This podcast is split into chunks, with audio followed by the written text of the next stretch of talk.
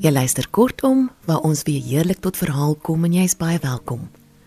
Ons gaan vanaand luister na twee kortverhale deur Abraham H de Vries wat ek gekry het in die Nuwe Afrikaanse Prosa boek saamgestel deur Sonja Loots en Stewart van Wyk en uitgegee deur Iman en Resou in 2019.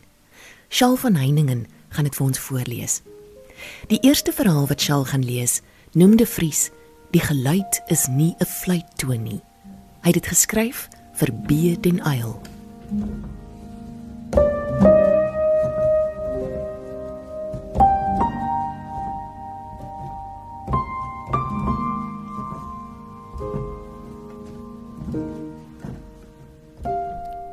Aanvanklik het hy die geluid nie herken nie. Hy het net geweet iets het verander, dof, ver af, soos geluide wat 'n mens skaars hoor. Bergwind deur heide en kouterbosse in die Tradouspas die koel asem van die nagwind deur die plaashuis se rame na 'n warm somerdag. Langs die N1 onder 'n verlate doringboom het hy stilgehou en by die sementtafeltjie gesit en luister na afkoelgeluide van die motor en na die stilte van die Karoo. Miskien is dit 'n motor wat ver aankom, het hy gedink, die suising. Hy het sy asem ingehou. Agter die suising het die stilte bly klop. In die ou plaashuis waar hy die vorige nag geslaap het, het hy sy hart gehoor en die sinkdak wat kraak, die geelhoutbalke wat kla en 'n geyser wat gorrelend vol water loop en die nagtelike geskarrel van duwe wat hul kleintjies voet in die vliering. Maar agter die suising, agter die suising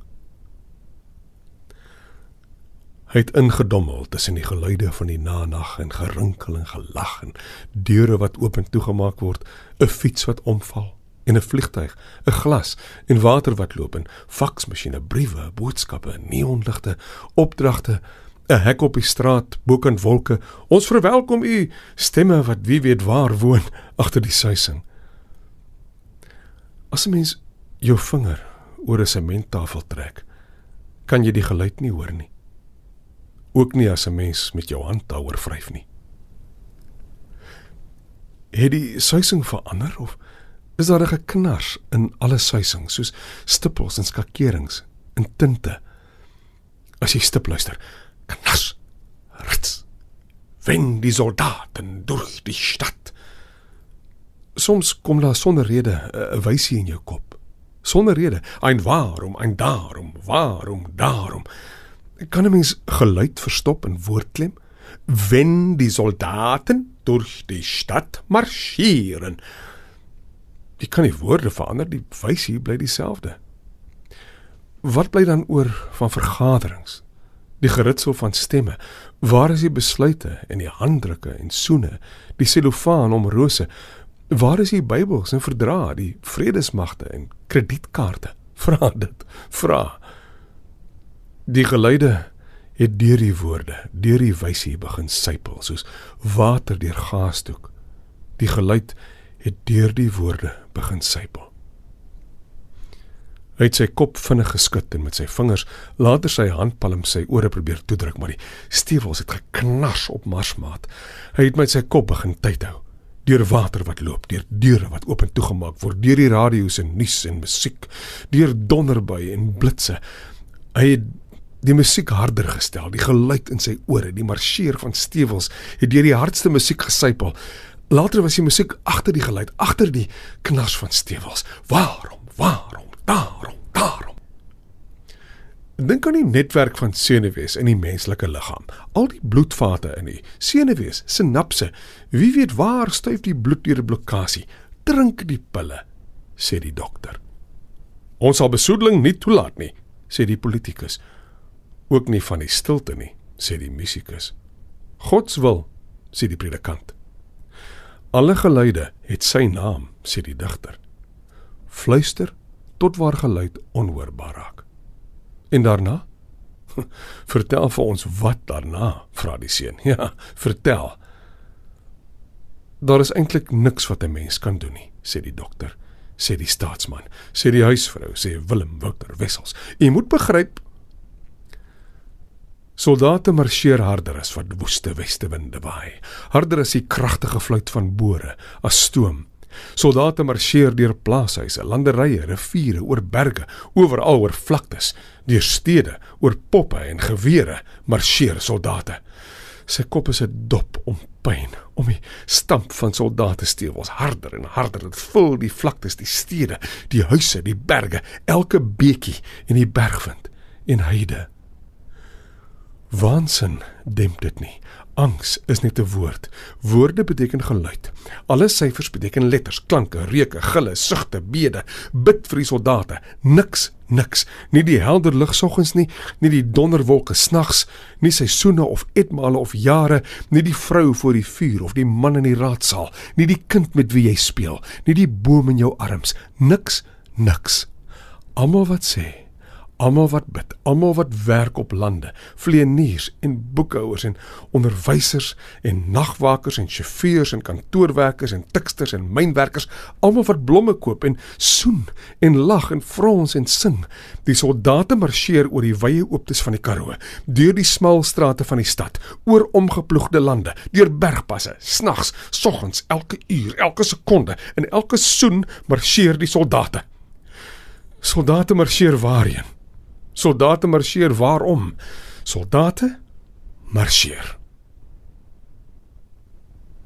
Die laaste geluid wat jy hoor is nie 'n bevel nie die fluit van 'n koel nie die weeklag van 'n geliefde nie nie jou eie hartklop nie of water nie 'n sug of 'n gil nie nie woorde nie alles wat wêreld is sterf weg Dan ver af, soos 'n wind oor heide, soos 'n sug, eers skaars herkenbaar, soos stippels vloei in kleure, weer begin geluid, begin 'n suising, begin die marseer, begin marseer die stewels van soldate.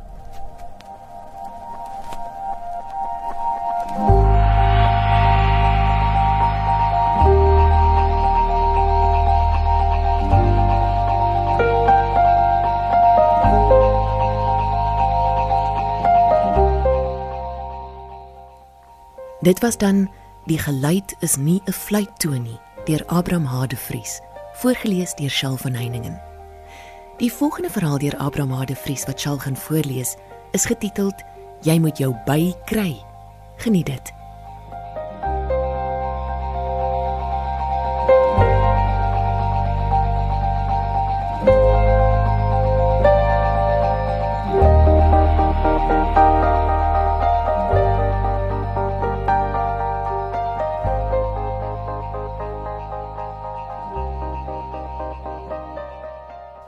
Een aand toe hy gaan slaap, sê die boer: "Maak 'n bietjie suurdeeg, bak 'n bakselbrood. Ek gaan my bysoek wat verlore geraak het. Die Here weet hoekom." So gesê, so gedaan, want sy vrou was rondom die lyf, maar haastig. Die volgende oggend vat die boer sy brood en hy draai 'n rugstring vleis toe in ou koerantpapier. Vat sy hoed in sy gebarste hand, soen sy vrou en maak die hoenders wakker solank sy bed koud word. Hy loop deur sy lande wat soos druppels aan sy neus hang en kom by die groot pad wat albei kante toe loop. Sy skoene is groot. Sy vrou het sy broek netjies gestryk, maar van die loop deur die lande is sy skoene nat. Die boer gaan sit op 'n klip langs die pad en hy luister met albei sy ore. Eers met die een na die kant van die pad toe en toe met die ander een na die ander kant toe. Hy hoor swart bessies tussen die noem-noem bessies en hy luister lank. Maar dis mos nie my by nie, sê hy vir die vaalpad en hy vat sy hoed tussen sy gebarste hande en hy loop met die son op sy skoene. "Waar gaan jy so vroeg heen? Kan ek jou saamneem?" vra een van sy bure. "Ek gaan soek na my by wat verlore geraak het," sê die boer. Hy skud sy kop verdrietig heen en weer, skraap sy skoene teen 'n klip langs die pad en hy vra: "Waar gaan die neef so vroeg heen?" "Ek gaan soek na my by wat weggeraak het," antwoord die buurman. "Hoe lyk joune?" "Myne is bruinerig," sê die boer. "Nes myne," antwoord die buurman. "Ek ry oor die berg, klim maar in, want wiele maak die pad korter." Hulle ry deur 'n laning denne en die stamme waai by hul ore verby en die pad loop oor hul voorkoppe, maar hulle ry en ry dat die stof naderhand staan. Ander kan die berg, laai sy buurman toe die boer af. Hy vat sy brood en sy rugstring en hy sê: "Dankie vir die hulp. As ek my bygekry het, laat ek jou weet, my dorsvloer is groot." En die buurman antwoord: "My dorsvloer is ook groot en ek sal vir jou ook laat weet." Daarvandaan loop die boer deur 4 dae sonder 'n buurman en die helfte van die rugstring en 'n groot hap brood. En hy loop, en hy loop. En naderhand kom hy op die parade in die Kaap en hy ryk mos die lemoene en die perskes en die druiwe. Hy soek tussen die kussies, hier soek hy, daar soek hy en hy skop 'n hele stapel rosyne om met sy groot skoene. Het jy nie my bygesien nie? Vra hy vir 'n man met 'n ronde rooi hoedjie op. "Die bytjie," sê die man en hy vrommel sy voorkop. "Master moet die bytjie soek en master moet die bytjie kry voor die kanon skiet, anders bye bye bytjie en happy memories. Weg as die bytjie lapaside agter die swart smoke om." Later word dit warm, maar die boer soek nog. Hy soek die hele Kaap plat en hy soek teen die berg en agter die berg al met die water langs soek die boer en hy vra vir almal: "Het julle nie my bruin by gesien nie?" Maar almal skud hulle koppe asof hulle eers die kant toe soek en dan weer daardie kant toe. Maar almal sê nee, hulle het nie die bytjie gesien nie. Op 'n rots by die see, waar niemand anders is nie, kry die boere man met twee visse in sy hand. Die boer stap met die paadjie tussen die dennebome af en hy vra: "Het jy nie my by gesien nie, meneer?" Maar die man skud sy grys baard en hy kyk oor die visse en hy sê: "Dis sê, man, nee."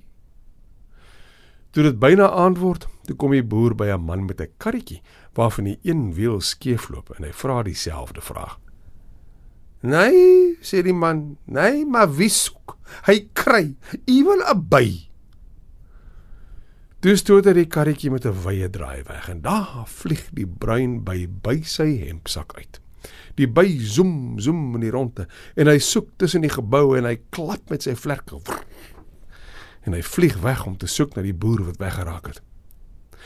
Hy vra by die man op die parade en by die man langs die see en op laas vra hy vir die man met die karretjie: "Het julle nie die boer gesien wat weggeraak het nie?"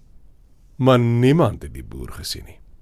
Die volgende aand eers kry die by die reuk van die rugstring en die brood en hy gaan sit op die boer se skouer. Die boer sê toe: "Ek hoef nie verder te soek nie. Die by het nog altyd op my skouer gesit. Hier is hy." Baie mense kom aangeloop en hulle vra: "Hoe weet jy dis jou by?" Die boer vat die by tussen sy vingers en hy wys die merk op sy bout. "Kyk," sê hy. "Dis my brandmerk. Alles wat ek het, het my brandmerk." Die mense is so verbaas dat die laaste son by hulle monde inskyn en hulle ore slaan rooi deur. Die boer lag dat die reendruppels oor sy wange loop. Hy eet van die brood en hy sit die by op die rugstring en toe sit hy weer die by op die brood en hy eet van die rugstring tot sy snor blink. Hoe ken jy jou by so goed dat jy hom tussen al die ander in die Kaap kan kry voor die kanon skiet? Vra die man met die twee visse. Ek en my by. Ons loop al lank saam, sê die boer. Ons loop al lanksaam tot oor ons borse in die hemel.